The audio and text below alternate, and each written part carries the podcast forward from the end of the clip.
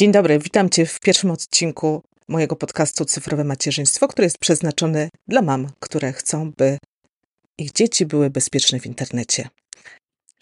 Luty to czas, kiedy obchodzimy Dni Bezpiecznego Internetu, a konkretniej to początek lutego. Być może słuchasz tego odcinka już po, ale chciałam Cię zachęcić, żeby pod pretekstem właśnie obchodów Dni Bezpiecznego Internetu zastanowić się, czym ten bezpieczny internet jest dla Ciebie i dla Twojego dziecka.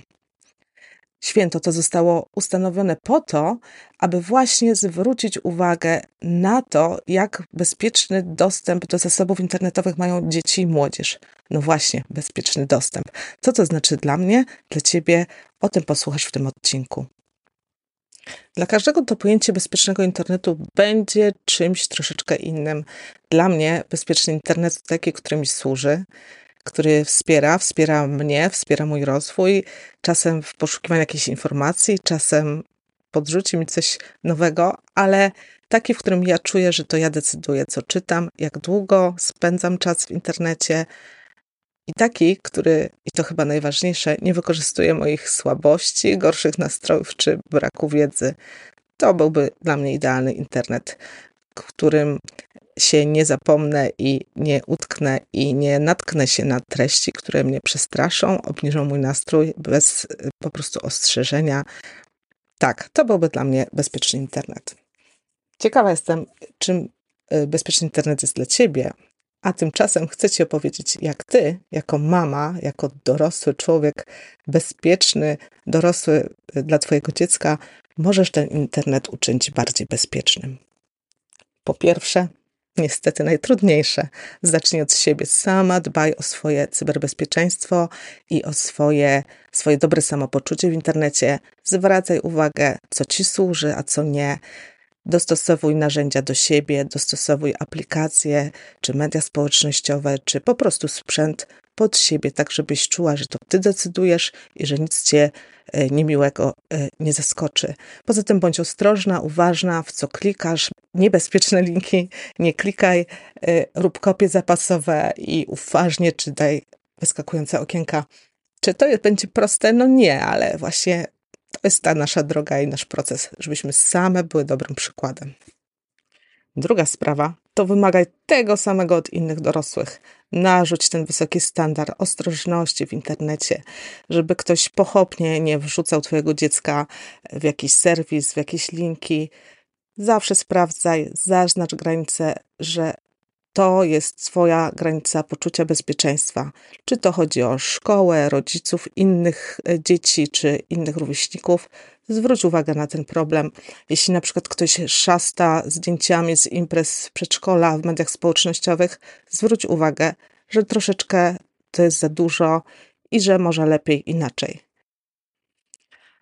to trzecia będzie sprawa. Przygotuj się na to, że być może na razie jesteś w mniejszości, że jesteś może tą, która troszkę więcej wymaga, bo przecież wszyscy tak robią. No ale trudno. Na początku kiedyś tak samo było ze zdrowym żywieniem. Łatwiej było kupić suchą bułkę i kolorowe żelki.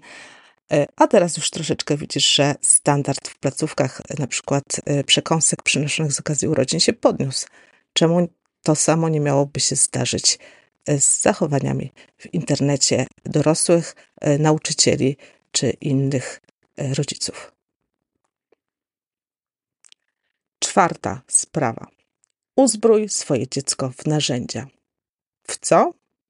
W takie narzędzia, które będą mu zawsze towarzyszyć, czyli pewną odporność psychiczną, to, żeby czuło się mocne, wystarczające, bezpieczne, żeby zawsze czuło, że ma z tobą dobry kontakt i z każdą sprawą może przyjść do ciebie bez obaw, że wybuchniesz. Bo tak naprawdę to jest, to jest bardzo ważne, że jak dziecko przychodzi, że jest jakiś problem, bo coś zobaczyło w internecie, albo ktoś mu coś wysłał, albo że coś kliknęło i coś się stało ze sprzętem, to ono się pewnie boi przyjść czasem z tym, bo boi się reakcji rodziców ich wybuchu. A wtedy właśnie trzeba wziąć wdech, wydech, policzyć od 10 w dół i docenić to, że przyszło do ciebie i zareagować odpowiednio.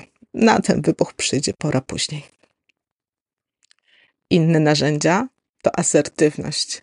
takie przyzwolenie na to, że na coś się nie zgadza, czemuś odmawia, chce się z czegoś wycofać, to dla niego będzie ogromna umiejętność zadbania o siebie, o swój komfort, także w internecie. I ostatni punkt.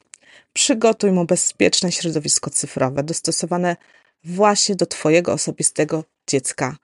Czyli zastanów się, jaki wiek y, jest odpowiedni y, klasyfikacji różnych filmów czy profili dziecięcych i dostosuj to. Możesz y, to zrobić na komputerze, w przeglądarce, ustawić na przykład bezpieczny sposób wyszukiwania w wyszukiwarce Google'a, dostosować smartfon, związać jego konto ze swoim kontem, na przykład za pomocą ustawień rodzicielskich na iPhone'ach, to znaczy w Apple'u albo w Androidzie za pomocą aplikacji e, Family Link. Już podając dziecku pilota do ręki, zadbaj o to, by wcześniej właśnie miał przygotowane ustawienia dziecięce, e, czy to właśnie w komputerze, w telefonie, na tablecie, również na wszelkich platformach streamingowych, na telewizorze. Wystarczy, że założysz profil dziecięcy, podasz jego prawdziwy wiek, nie musi być bardzo dokładnie co do dnia, jeśli masz obawy z podaniem tego wieku. Wtedy te kategorie wiekowe zostaną automatycznie dostosowane oraz to może oczywiste, ale stosuj się do regulaminów i zaleceń wiekowych danej aplikacji.